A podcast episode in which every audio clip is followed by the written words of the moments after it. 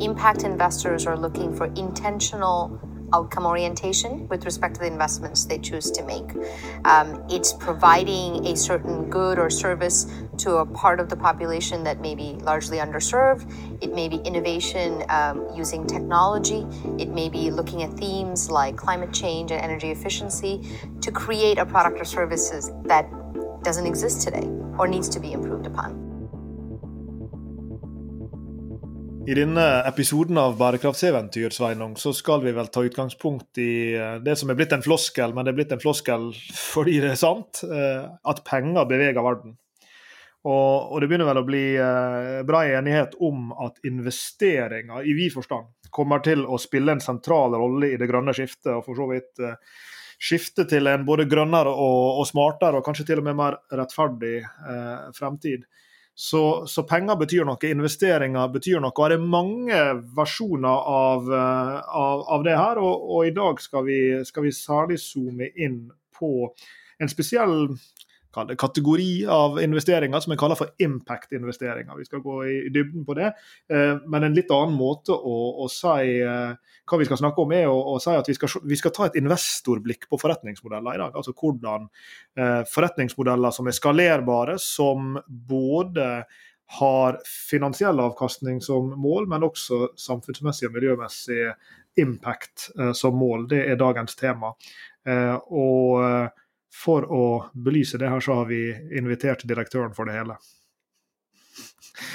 Og den som jeg snakker om, det er um, Silja Holm Sindal, som uh, Hvis jeg får lov, Silja, så vil jeg nesten kalle deg en av våre uh, protostudenter. Altså Med det mener jeg at du uh, vi, vi, hadde gleden av å ha deg som student på NHH på, før vi egentlig hadde begynt å undervise i bærekraftige forretningsmodeller. Så du var på en måte student 1,0.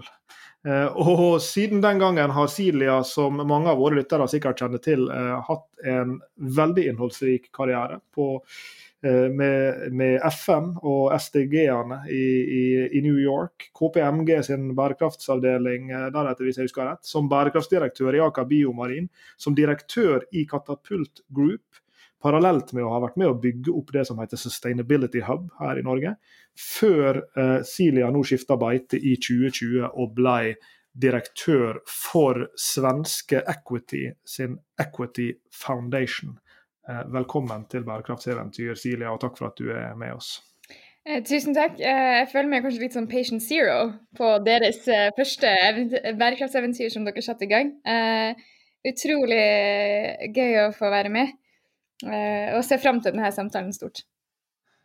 Det vekker jo minner, da, å, gå tilbake. For jeg husker godt da du kom tilbake fra HSC, som det heter så lekkert, eller HEC, som noen vil kalle det, i Paris. Og så, vært, eh, så var du full av inspirasjon, for du hadde hatt en, en foreleser der nede. Eh, og et kurs som gikk på bærekraftige forretningsmodeller. Kan ikke du fortelle litt om det? Jo, eh, det var da Lawrence Lehman Ortega som hadde et kurs som het Bærekraftige forretningsmodeller. Eh, og da sendte hun hele klassen ut på jakt. Så vi ble delt opp i grupper på sektorer og skulle ut og finne radikal innovasjon på bærekraft, hvor man har integrert det å gjøre noe positivt for samfunnet i forretningsmodellen og klare å tjene penger på det. Og så skulle vi plukke fra hverandre disse modellene og presentere dem til de andre i klassen. Og så hadde vi da jury, og vi stemte over hvilke modeller vi likte best. Og så skjønte jeg veldig fort da at eh, hvis det var 50 modeller per år, og dette kurset hadde gått et par år, så fantes det jo da 350 modeller i denne samlingen, som jeg da jeg kom tilbake til, til, Lars Jakob med og sa du, jeg har lyst til å gjøre en sånn kryssanalyse av case-studier. Kan jeg få lov til å analysere eh, 350? Jeg har samlet litt flere, så kanskje 400 forretningsmodeller inn i masteroppgaven min. Og det kan, jo, det kan, jo, være sånn for, for, lyttere som ikke kjenner Silja. Når dere hørte CV-en vi lista opp her, så tenkte dere at hun kanskje nærmer seg pensjonsalderen. Men det er jo faktisk ikke lenger siden Silja, det er her enn i 2014. Og jeg fant faktisk den masteroppgaven jeg rydda i forbindelse med å flytte inn på det nye kontoret mitt på NHH. Og Den heter 'Business Model Innovation for Sustainability from Current to Next Practices'.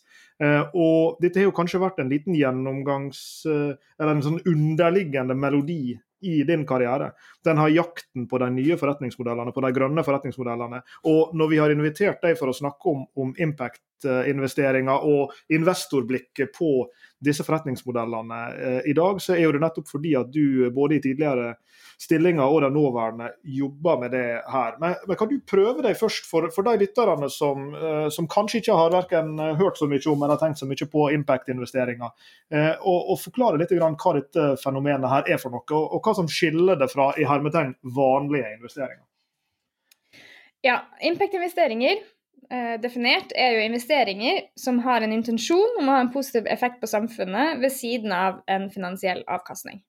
Og så finnes det to undergrupperinger eh, for impact-investeringer. Det er de som sier vi vil ha eh, lik avkastning med markedet eller bedre. Vi skal altså tjene bedre penger på at vi investerer med positiv samfunnseffekt.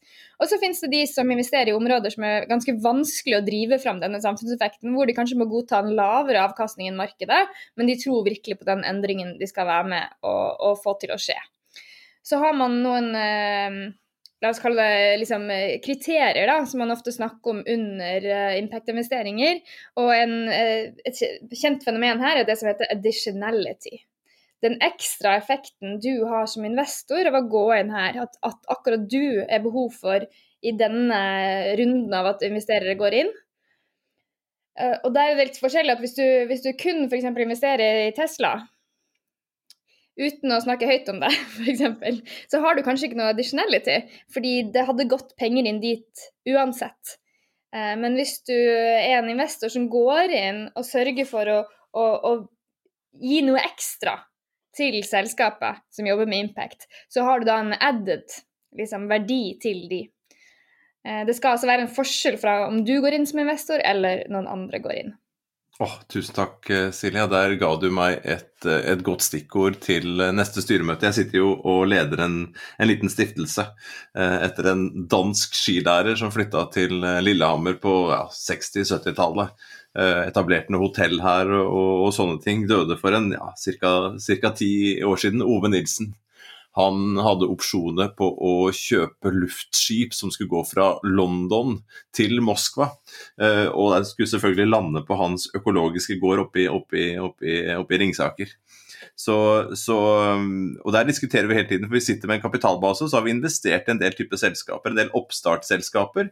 Eh, og i, i vedtektene våre så står det at det skal være humant ekspansivt og økologisk. Og Det jo hans, hans ord, da. det skjønner man også ut fra, ut fra, ut fra luft, uh, luftdrømmene hans. da, uh, Hva han liksom hadde som ambisjoner her. Så har vi gått inn i en del selskaper og, og tenkt at vi skal være skal gi dem en ekstra verdi, eh, f.eks. i en oppstartsfase, at de i det hele tatt får kapital.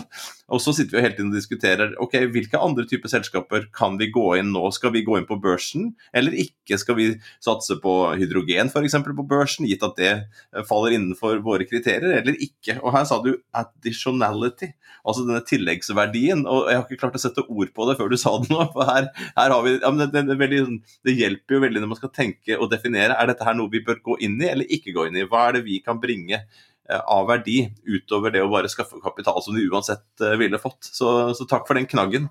Og det er jo et supert, fordi det er jo også utgangspunktet når man skal lage eh, sin egen strategi som impact-investor ofte. Eh, og noe vi i EQT-stiftelsen er veldig nøye på, fordi vi ser at ved å være et globalt investeringsfirma, det at vi går inn som investor, gjør at andre kan komme inn som investor etter oss mye enklere. For da leverer vi en trygghet til de om at vi er investorer, så dette er en god investering. Um, og, og, der ønsker vi å være med og ta med kanskje investor-mindsettet til en del av de mer tradisjonelle sosiale entreprenørene. Og det bringer meg på en måte inn videre til det jeg kanskje har opplevd som, et, som en, måte, noe som har holdt oss litt tilbake. Og det skrev jeg jo også om i, i masteroppgaven, så var dette Robin Hood-dilemmaet. Det at sosiale entreprenører de har lært seg at jeg skal løse et problem, og mine inntekter i min forretningsmodell skal være med å dekke kostnaden av å løse det problemet. Og så glemmer de å tenke på at de skal ha en margin eller en avkastning til en investor for å kunne tiltrekke seg vekstkapital. Så det vi forsøker nå, er å se på hvordan kan vi gå inn til investorer som kanskje ikke har knadd sammen forretningsmodellen for å være investorvennlig, til å kanskje hjelpe de å skru litt på det, for å mye enklere få få tak i kapitalen som skal til for å skalere opp, for å løse problemet på rett størrelse.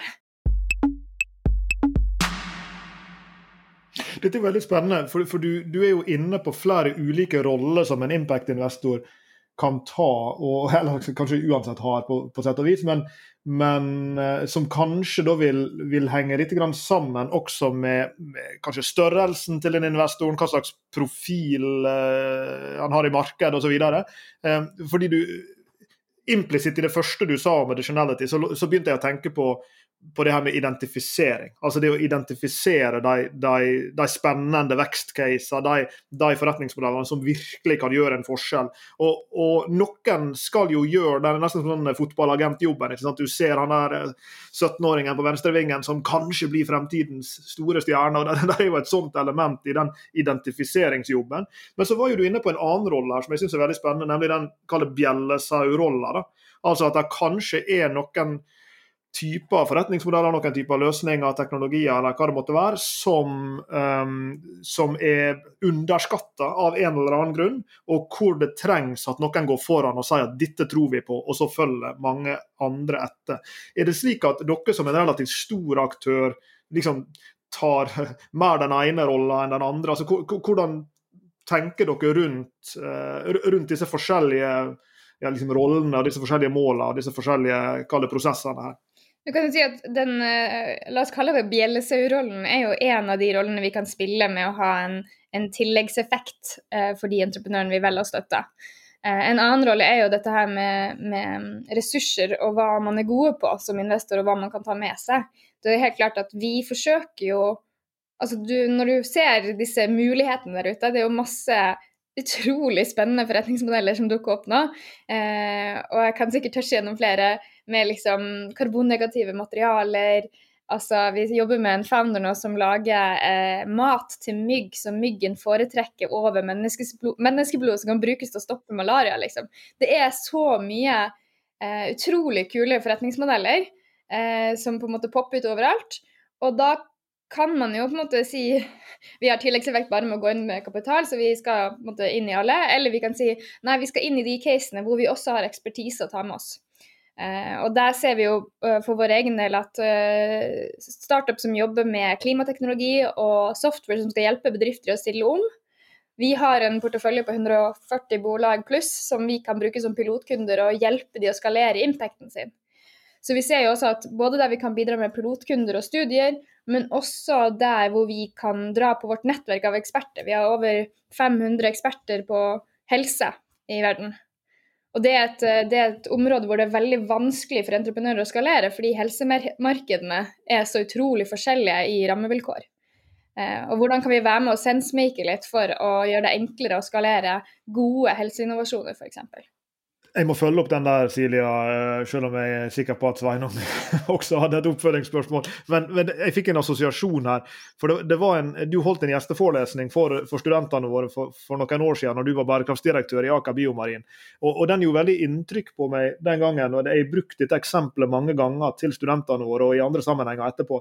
For dette var når, når du hadde gjort du og, og de du jobba med i Aker Biomarin den gangen, hadde gjort en analyse av hvor hen relativt sett i, i verden var de markedene hvor den inkrementelle verdien av å, å, få folk til å, å, å konsumere omega-3-produkt som dere produserte, og selskapet fortsatt gjør, selvfølgelig, eh, ville være størst. Så Jeg husker du viste fram et sånn nesten heatmap over hvor hen i verden er det vi burde selge mer av dette produktet for å kunne ha relativt sett den største positive påvirkninga på folks helse.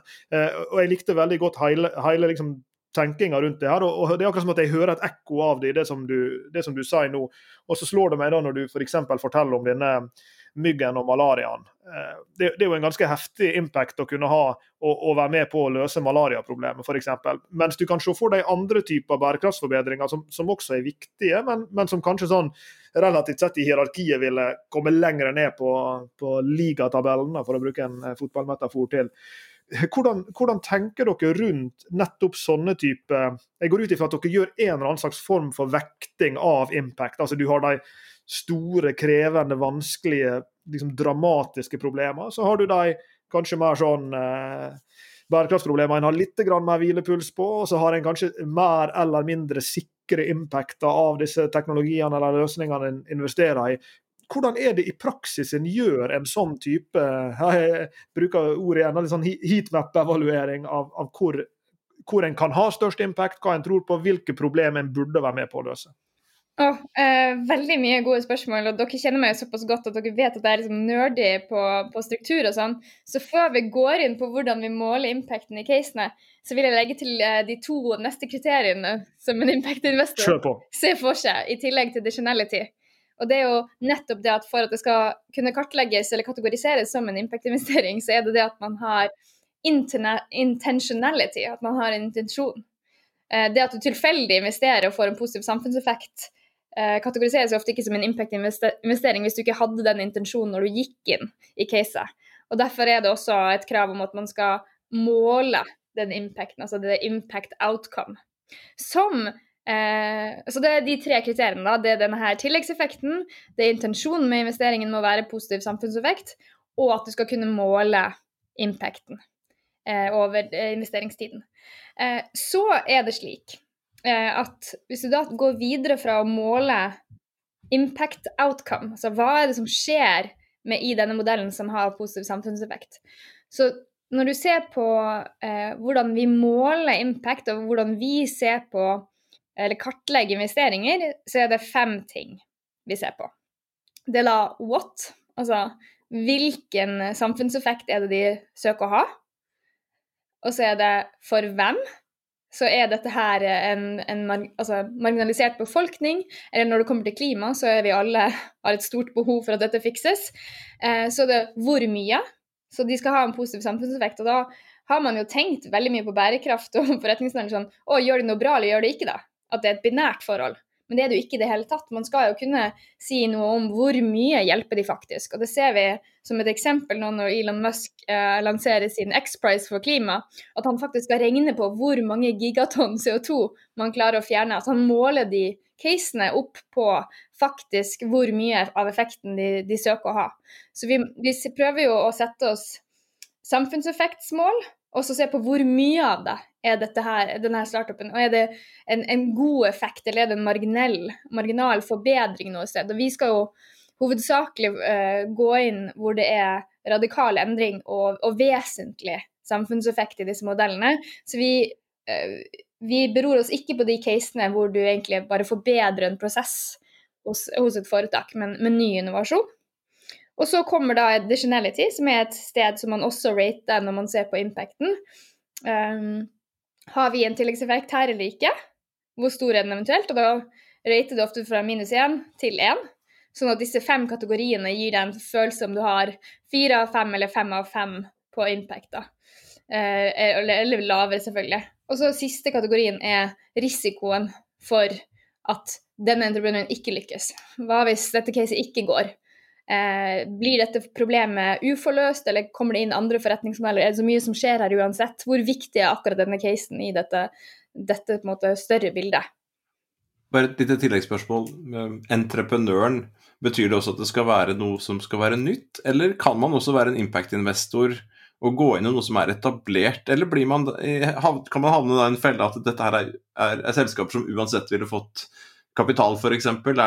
Ligger entreprenørskap uh, tett opp til dette her? Godt spørsmål. Eh, det gjør det ikke. Så en impact-investor vil jo ha en portefølje av impact-investeringer. Og det ser vi ofte at de som da sier at jeg skal investere 100% for impact, de, investerer jo ikke per definisjon da 100% i entreprenører, det er jo veldig risikabelt i en stor portefølje. De har kanskje 10-15% som er satt av til liksom, tidligfaseinvesteringer. Eh, og så investerer de også en stor del gjennom såkalte impact-fond, som da er listede selskaper, men som bidrar til løsninger på samfunnsproblemet, eh, som ofte er, den kategorien. Så dette her er ikke et selskap som leverer en tjeneste til hverdagen på, på nullutslipp eller uten skade, men et selskap som leverer noe som løser et samfunnsproblem.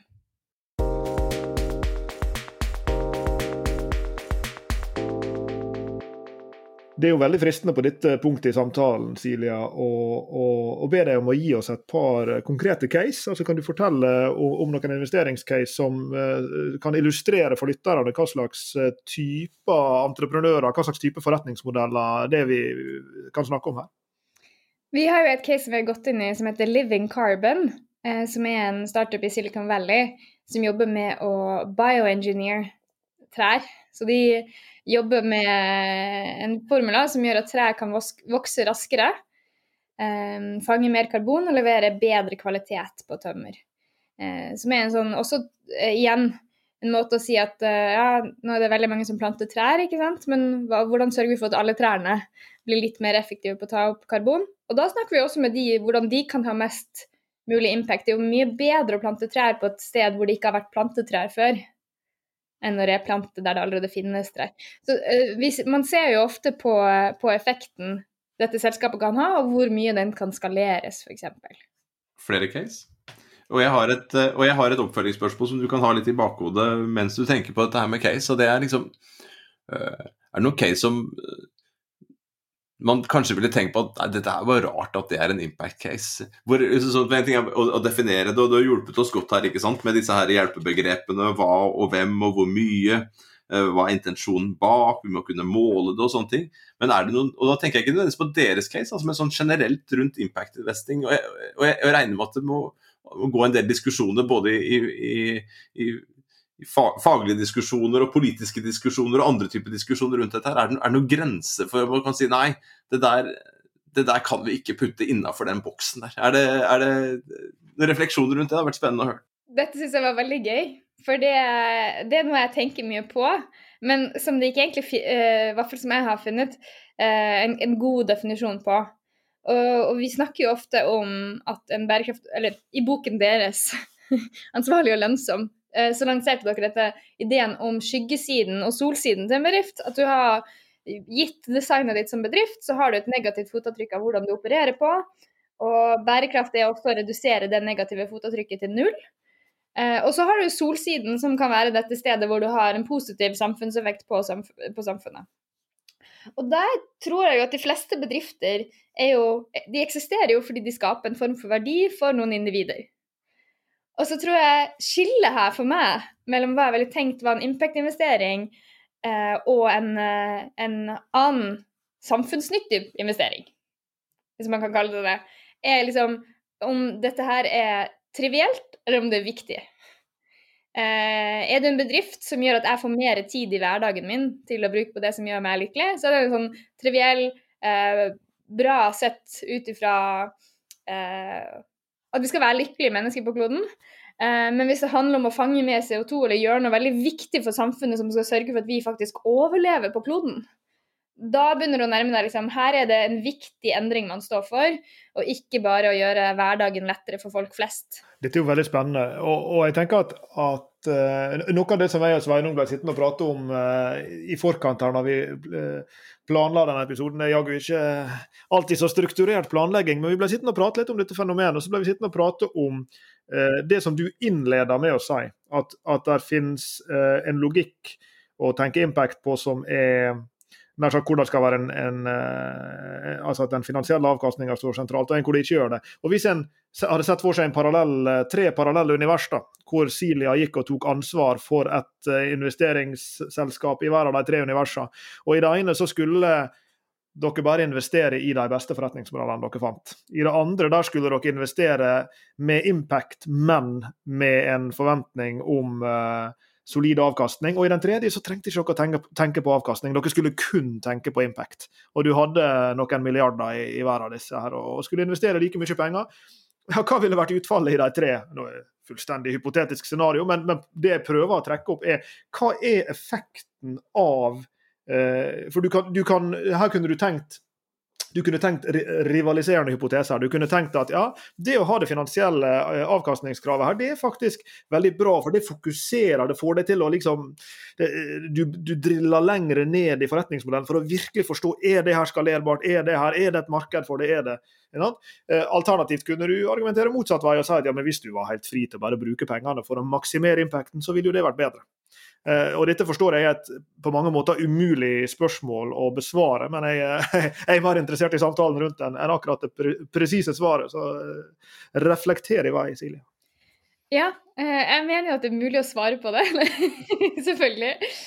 Desto bedre. Ja, um, Og da vil jeg jo legge til en kategori, og det er jo på en måte altså Hvis du tenker det hva vi kaller liksom the spectrum of capital, så begynner man jo på tradisjonell investering hvor du ikke tar noe hensyn til bærekraft i det hele tatt. Flytter deg over på liksom litt mer ansvarlige og bærekraftige investeringer. Så over til impact-investeringer, hvor du fortsatt har det finansielle avkastningskravet eh, ved siden av impact, før du begynner å liksom forville deg ut i mer filantropi, eh, hvor du bare kan investere for impact alene over avkastningen, eller gi bort pengene mot et impact, uh, ut, altså i samfunnet. Og så vil jeg si at uh, det å ikke Vi kan jo, vi kan jo uh, mellom oss si at man, som investor så ville man jo ikke ha investert tradisjonelt uten å tenke på bærekraft, for da går man jo også glipp av en stor oppside og, og på en måte risikoreduksjon i, i bedriften. Og vi kan jo sikkert også kose oss masse med hvorfor selskaper er, som er bærekraftige, er mer lønnsomme. Eh, men hvis vi da går videre på den beste forretningsmodellen, eh, gitt at man da Og da ser man mer på kanskje ESG, da. hvis du bare skal tenke på beste forretningsmodellen, så vil jo det være en forretningsmodell eh, som kanskje, som kanskje gir noe til folk flest, som alle trenger i sin hverdag, men uten negativ skade på planeten. Så den har liksom klart å redusere risiko med bærekraft, og den klarer å være liksom, eh, samfunnsnyttig og noe folk setter pris på i sin hverdag, og vil derfor eh, liksom, ha et stort marked og god kjøpekraft for det de leverer på. Uh, og så kan du si I den midtfasen der, hvor du skal ha impact, så du ser på løsninger til et samfunnsproblem og en konkurransemessig liksom, avkastning, så vil det da være et selskap som klarer å levere et, en løsning til et samfunnsproblem, men til de som har kjøpevilje um, for det. Uh, og da vil jo klimateknologi være et sånt case. Det er kapitalintensivt i starten, men når de casene vokser, så vil jo de være lønnsomme fordi det vil være en etterspørsel etter å decarbonize. Altså dette med å som selskap gjøre det grønne skiftet. Um, og så, på casene hvor det liksom hvor det blir um, Impact First Investments, hvor impacten rang rangerer høyere enn avkastningen, fordi du ser at dette er så viktig. Så er jo det caset vi jobber med som heter Molecular Attraction, um, med dette malaria-caset, som er et supert eksempel på det. Der har du en bedrift, de har et produkt. Det er denne blandingen som myggen spiser, eh, heller enn menneskeblod. Eh, og som kan brukes til å redusere spredning av malaria, for da går ikke de fra menneske til menneske og sprer blodet med malariasmitten. De har et marked i Afrika som er høy impact, men hvor det er lav kjøpekraft. Og så har de et marked i resten av verden, eller i utviklede eh, land, hvor eh, du også har lyst på produktet fordi det er mye mer effektivt enn en vanlig myggspray. Fordi myggen går jo et annet sted enn å bare at du lukter ille. Um, og da, det jo villig, og da har du kjøpekraft for produktet, men du har jo et lavt impact-marked, men eh, relativt OK høy kjøpekraft. Og det som skjer ofte, er jo da at en entreprenør som har dette produktet, han er mest motivert av å få dette ut i Afrika, hvor det har den store impact-effekten. Han pakketterer det i én forretningsmodell og går til investorer og sier vær med på denne reisen. Dette er liksom, vi tror dette her blir lønnsomt fordi vi også har markeder i Europa men hvor kanskje investorer som ikke ser på impacten som så viktig, kan være med å vri selskapet mot å bare betjene markedene hvor det ikke er malaria, fordi det er mest lønnsomt. Eh, hvor vi da jobber med disse gründerne på å splitte de opp i en, det som kalles en hybridorganisasjon. Hvor de har én for profit forretningsmodell og en non-profit organisasjon som sørger for utrullingen i det afrikanske markedet her. Hvor du kan se for deg at du også har et premium som går fra myggsprayen. ved å kjøpe denne myggsprayen så er du også med på å bekjempe malaria. Et price premium som kanskje går over til eh, non-profiten. Eh, non-profiten får også tilgang til produktet og er med å drive opp volumet og ned produksjonsprisen på produktet. Eh, de, de, jobber i et marked hvor eh, befolkningen kanskje ikke har råd til å kjøpe denne myggsprayen, men hvor um, myndighetene eier kostnaden av problemet. Liksom som vi har snakket, hvem eier, hvem eier problemet? Hvem er villig til hvem å betale for å løse det? Jo, de får jo masse kostnader knyttet til malaria og uh, dødsfall og vanskeligheter for å utdanne mennesker. Altså hele denne altså, rollercoaster av effektene som de kan faktisk løse her. Så de eh, blir jo da kundene her. Til en sånn non-profit-organisasjon for å betale for et impact outcome. På samme måte som at vi ser at mange ideelle organisasjoner betaler for antall myggnettinger, så vil man her betale for antall eh, produkter til å liksom eh, dekke et område for å sikre at man, man stopper spredningen av malaria. Dette var veldig spennende å høre på, Silja. Og jeg er imponert over hvordan du gikk fra, fra Lars Jacobs sitt uh, hyperabstrakte eh, spørsmål inn i begrepene her, altså filantropi og, og, og, kapital mot hverandre på dette spektrumet mellom. Og så jaggu klarte du å dra det inn i myggen, og fikk myggen virkeliggjort. Da. For jeg satt med en gang du tenkte på det myggeeksempelet, jeg bor på Lillehammer. Eh, og rett oppe her på Fåberg så, så var et område de, de, de, pleide å kalle det for Myggbukta. Folk bodde virkelig i Myggbukta. Og nå driver og rebrander det nå til noe Solviken eller noe sånt. Men det henger jo igjen, selvfølgelig. Det er jo Myggbukta. Det er jo det, det er jo, alle veit hvor Myggbukta er hen. Uh, så det første jeg tenkte når du dro den casen, var jo nettopp at ja, her, her ville det vært noen som kunne vært interessert i å, å betale for dette her. Hvordan få det ut i, i, i hele verden. Og, og, så nevnte jeg for meg sjøl, jeg noterte meg hybrid mens du dro resonnementet, og, og, dit kom du. Altså det der mellom at du ba, både går da for, for, profit og prøver kanskje å subsidiere uh, dette her non-profit, samtidig hvem er det som har et problem, og hvem er det som kan ha en betalingsvilje i de andre segmentene. Så dette var en veldig veldig spennende reise. Og så er det en annen ting som slo meg underveis her, apropos det du snakket om eh, innledningsvis. Eh, tilleggsverdien, da. Additionality. Og så snakket du ja, bjellesau Rollen er jo én ting, og ressursene er jo noe annet. Altså Hva slags type kompetanse kan man trekke inn som en investor da, i et styre knytta opp mot ledelsen? Hvilke andre typer selskaper er det man har i en portefølje?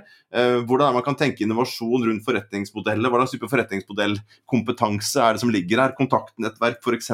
inn mot, mot, disse myndighetene, de områdene som ville hatt type problemer, osv. Så, videre, og så, så den der, den, den der, vi har snakket om før Maggie Delmas, uh, Lars Jakob, den, the, the, Green Bundle, altså den, der, den grønne pakka, eh, introduserte vi her. Og Det ligger jo en slags sånn grønn, sosial, økonomisk bundle eller pakke rundt den rollen også som en impact-investor her. En ting er å være bjellesau, komme først, åpne opp i det hele tatt. Oi, se her, de har klart å få funding på denne ville ideen om å, om, om å ta, fòre denne myggen med noe annet. Eller, eller, eller, klare å høste CO2 fra lufta og sånn og sånn. Eller, eller ja, hva nå enn man driver med som har impact. da.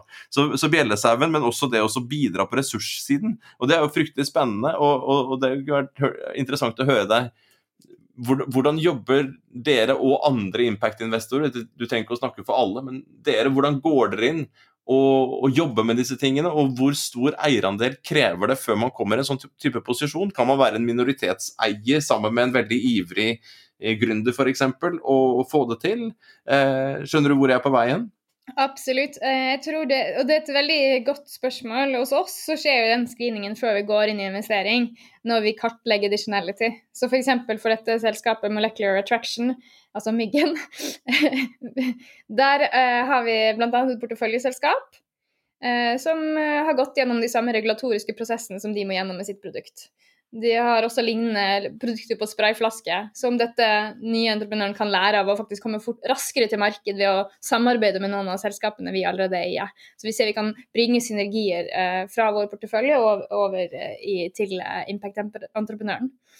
Eh, I tillegg eh, så ser vi jo også eh, hvordan nettverk fungerer, både med eksperter vi har innenfor helse, men også det at vi ganske raskt fikk koblet de på um, Gates Foundation og eh, altså helseminister i Nigeria. Altså hvordan vi klarer å dra i gang for å, å få, få, fart på disse casene. Men det jeg vil eh, Som jeg tror kanskje er unikt med måten vi tenker på, er jo det her med vår additionality som investor i et litt, altså i, et stiftelses, i en stiftelseskontekst, er jo at vi hjelper de kanskje med å reverse engineer til investoren. Så i en vanlig hybridorganisasjon så tenker man ofte at okay, vi splitter ut det som er non-profit, og så har vi en for profit som på en måte gjør det relativt bra, men du må være ganske impact-fokusert investor for å kunne gå inn her, for du vil ha en lavere avkastning. Vi tenker at vi skal reverse engineer, sånn at for profit entityen skal tiltrekke seg så mange investorer og vekstkapital som mulig for å, å øke farten.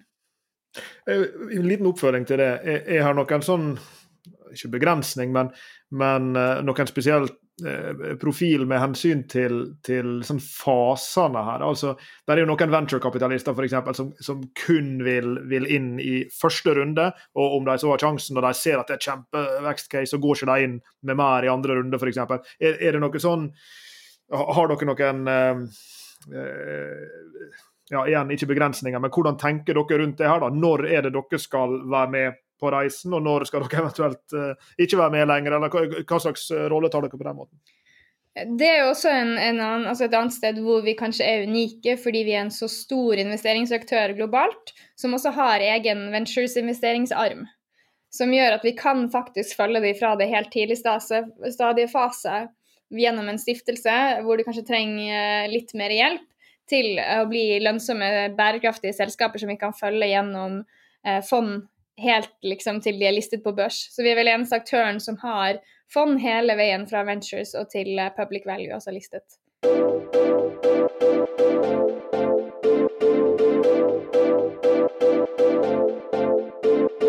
Hvis man kikker litt på stiftelsens formål her, så, så heller det litt i retning filantropi. Eh, I hvert fall i måten det blir beskrevet på. Eh, er, er, vi litt i filantropilandskapet, eller er vi i det finansielle landskapet? Er vi i hybridlandskapet? Er det en bevegelse her? Er det, hvordan, hva rører seg av diskusjoner i selskapet og, og stiftelsen, hvis du kan eh, sette ord på det? Jeg tror det er et spennende også evolusjon som skjer der. At uh, når selskaper ofte satte opp en stiftelse, så var det en måte, å delegere samfunnsansvaret bort fra sin kjernevirksomhet. Og det var kanskje i den tiden hvor vi så på business som bad og uh, stiftelser som, som gode, liksom. Og nå når business også er bra i kjernevirksomheten sin, så har man da muligheten til å opprette stiftelser som en forlengelse av hvordan man, man bidrar positivt. Så EQT Foundation er jo en forlengelse av hvordan EQT som global investor ønsker å ha en positiv samfunnseffekt gjennom alle sine investeringer, men rett og slett en anerkjennelse av at det er steder hvor vi ikke kan investere i dag, gitt vår hypotese om at vi skal inn og investere for impact og, og bærekraftige investeringer, men vi skal også ha avkastninger for våre eiere. Og Da blir jo Equity Foundation et, et, sted hvor man kan operere utenfor de normale forventninger til avkastninger, hvor vi kan være litt mer kreative. Vi kan også gi donasjoner til organisasjoner som er non-profit, og vi kan investere. Som gjør at når vi jobber med f.eks. hybridorganisasjoner, så er det en perfekt måte å være med å bevise at dette her fungerer på, når vi både kan være med å støtte de non-profit, men også for profit.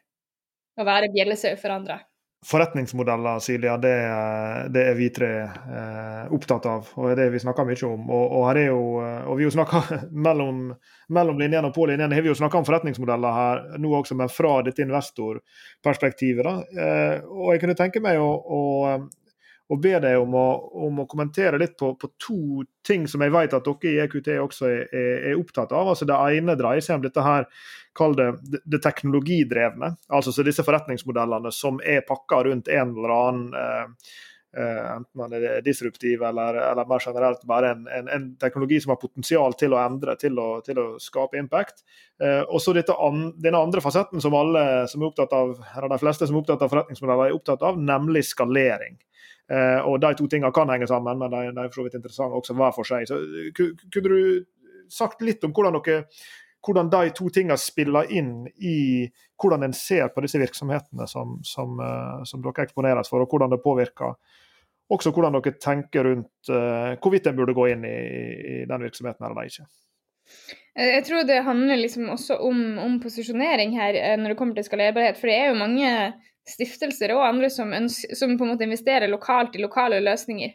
Men det vi sier her, er jo at vi ønsker å gå inn i løsninger som gjerne bygges lokalt, men som kan skaleres. Og det gjelder jo i at disse, disse problemene er så store at vi trenger løsninger som, som, lett sprer seg. Og da er ofte de bundet i, i teknologi. Men du kan jo også si at uh, hvert fall slik jeg har sett på det, er jo det at når man da sitter med investorlinsen og skal uh, vurdere startups, så det er veldig lett at man finner et eh, software-selskap som har laget en software liksom, på toppen av et dysfunksjonelt karbonmarked. Og de har egentlig ikke laget noe nytt som du kan ta og føle på, eller en ny tjeneste av noe slag, men de har på en måte lagt et software-lag oppå noe annet, men ikke endret verden egentlig. Så for også å kunne gå inn i et software-selskap, så skal det være med å kunne vri handlinger på et sett som er viktige for samfunnet. Eh, men vi ønsker virkelig å være med de selskapene som bygger noe nytt, og de som driver med, med tough tech. Altså eh, de løsningene på altså carbon removal, f.eks. Hvordan tar vi ut eh, karbon fra atmosfæren og, og lagrer den et sted. Et annet veldig kult eksempel på det, som er et, et selskap som heter Made of Air, som lager karbonnegativt eh, materiale. For hvert tonn materiale så fanger de to tonn eh, CO2.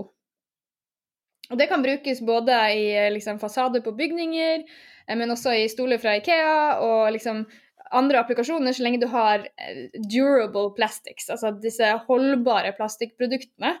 Og da er rett og slett tanken å, å på slutten av livsløpet til disse produktene pakke det ned i jorda igjen og fange karbonen til eh, uendelig tid. Slik at man legger ned igjen i bakken det man once eh, tok opp. Hvordan påvirker det en sånn eh, virksomhet som du er en del av, sånn totalt sett, å ha en stiftelse som også jobber med investering. Og hele liksom, forretningsideen og forretningsmodellen til, til uh, moderorganisasjonen det er jo å investere i selskaper. Og så har du, hyrer de inn en, en person som deg, da, som kommer inn med, med fynd og klem og kompetanse og ideer, og, og, som ikke bare gir bort og donerer, men også investerer. Uh, og Det er jo en stiftelse, eller ikke, ikke stiftelse, men det selskapet også har jo bærekraft som, som, som veldig tydelig kommunisert på sin, sin hjemmeside. Eh, og det skal være bærekraftig i alt de gjør. Ehm, hva, slags type diskusjoner skjer internt? Eh, min liksom, første assosiasjon i et sånt type selskap ville vært at det ville vært som å ha et sånt miljøverndepartement i en regjering. Og så tok Miljøverndepartementet tok seg av sånne lagde naturparker. Og, og, Der bor det jo ikke noe folk rundt, men de få folka som bor der, de nekter vi i hvert fall å kjøre snøscooter i dette området. ikke sant? Skal passe på villreinen. Og så kan vi andre leve sånn som vi gjør. Um, det er jo én modell. En annen, en annen, modell er at man får et sånt type miljøverndepartement, og så begynner de andre departementene også å tenke hm, hva er det vi kan lære her, hva er det vi kan gjøre annerledes? Og over tid så vil vel kanskje eh, forhåpentligvis Miljøverndepartementet bli borte, eh, og så blir dette her integrert i eh, energi og i helse og, og, alle andre ting man gjør. Det var veien om metaforen, da, men inn i en sånn type investeringsselskap som, som du er en del av? Hva slags type diskusjoner, og hvordan preger de erfaringene dere og den læringa dere har i, i, deres departement, da, hele regjeringa? Altså, dette har vi jo snakket om tidligere, og det har jo vært et krav når jeg går inn i et selskap at det virkelig er genuint, det den ambisjonen og det ønsket de har om å bli bærekraftige. Eh, og det tillater jo at man får gjort veldig mye i, i sånne selskap eh, med riktig kompetanse på plass. Og det ser man jo også her at, at Eh, man integrerer bærekraft på tvers i alt. Og det, ved å ha stiftelsen så blir det en, en fantastisk mulighet for en form for krysspollinering. Eh, sånn at måter vi opererer på i EQT, som fungerer vanvittig bra med å sette opp et deal-team for alle investeringene våre, og følge de opp og lage full potential plan og måle de på, på omstilling, også på bærekraft, det at jeg også kan sette opp deal-teams eh, for entreprenørene, og de har jo ikke vært borti å få så mye støtte fra en investor. Så du, du spurte om det i stad, liksom dette her med hvordan vi hjelper de, og hvilken posisjon man må være i for å hjelpe de. Eh, entreprenøren tar jo ofte imot den type hjelp fra en kompetent investor, men vi, nok, vi hjelper dem nok mye mer enn hvor mye vi investerer i.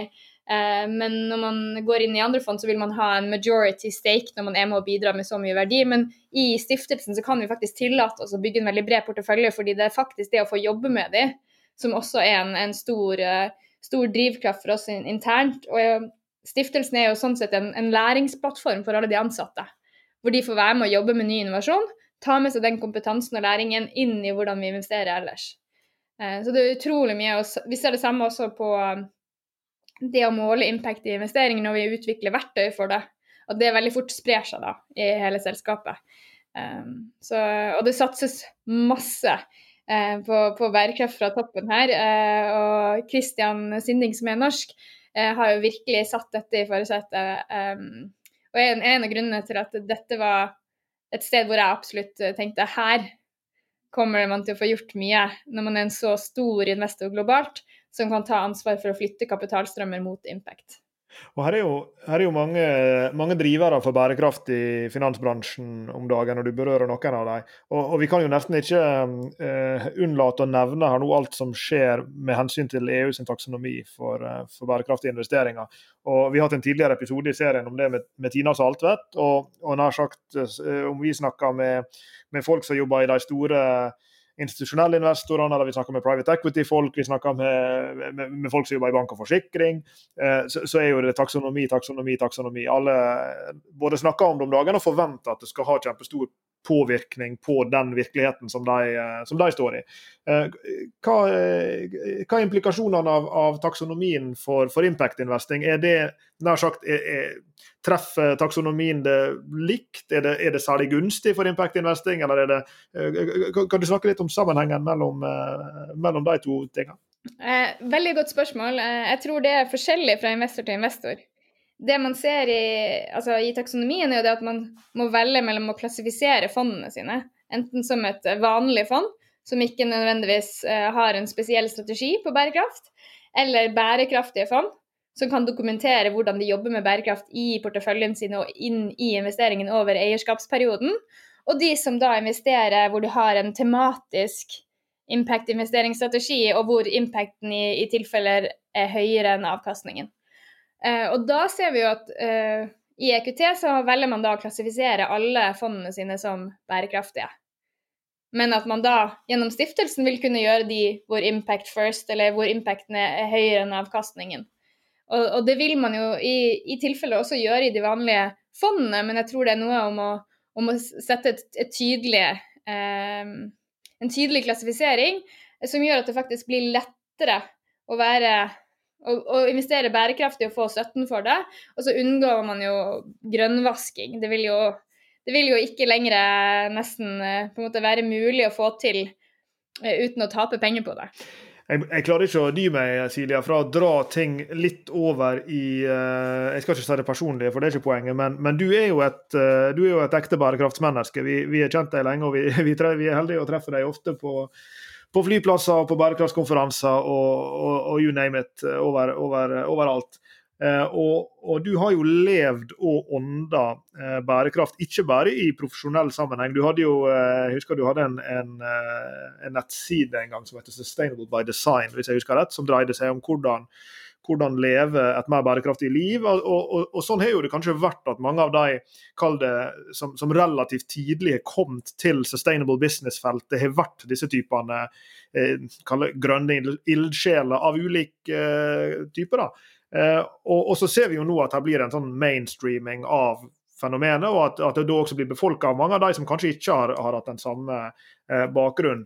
Men når du da har muligheten til å se deg i, i liksom bakspeilet, alt som, som, har vært, den reisen som, som du har vært på i, i din karriere, selskaper som du har jobba med, og, og, liksom feltet, eller for den del næringslivet som sådan gjennom disse åra, eh, så er jeg jo litt frista til å og Nå kan du bare ta av deg EQT-hatten, eh, om du vil. Eh, og, og, og, nær sagt eh, bare tenke på dette som, som en person med, med, innsikt i og kompetanse og engasjement for feltet. Hva er det som vil, eh, vil være de neste tingene som skjer i, i bærekraftig business? Hvis vi spoler ti år fram, hva forventer du eh, ligger foran oss nå? Hvis du skal kikke i Silias personlige spåkule, hvor er bærekraftig business på vei hen? Det klarer ikke jeg å dy meg fra å spørre deg om. Jeg tror jo eh, det som ligger mitt hjerte nært der, er jo det at vi kan jo ikke vente på at uh, enkeltindivider i samfunnet skal opparbeide seg den mengde kompetanse til å ta de informerte valgene i butikken for å velge den mest bærekraftige varen. Så mitt, min på en måte fanesak hele veien og, og det å være bærekraftig by design er jo sånn Hvordan sørger vi for at de selskapene som leverer bærekraftige produkter og tjenester, blir de mest lønnsomme og kan levere de Altså Eh, kan levere konkurransemessig på pris, eh, sånn at det blir intuitivt å velge den mest bærekraftige varen, for den er også eh, best priset når du er i butikken. Og der handler det jo veldig mye om taksonomien, det handler om de reguleringene som kommer nå, som faktisk gjør det vanskeligere og vanskeligere å ikke være bærekraftig.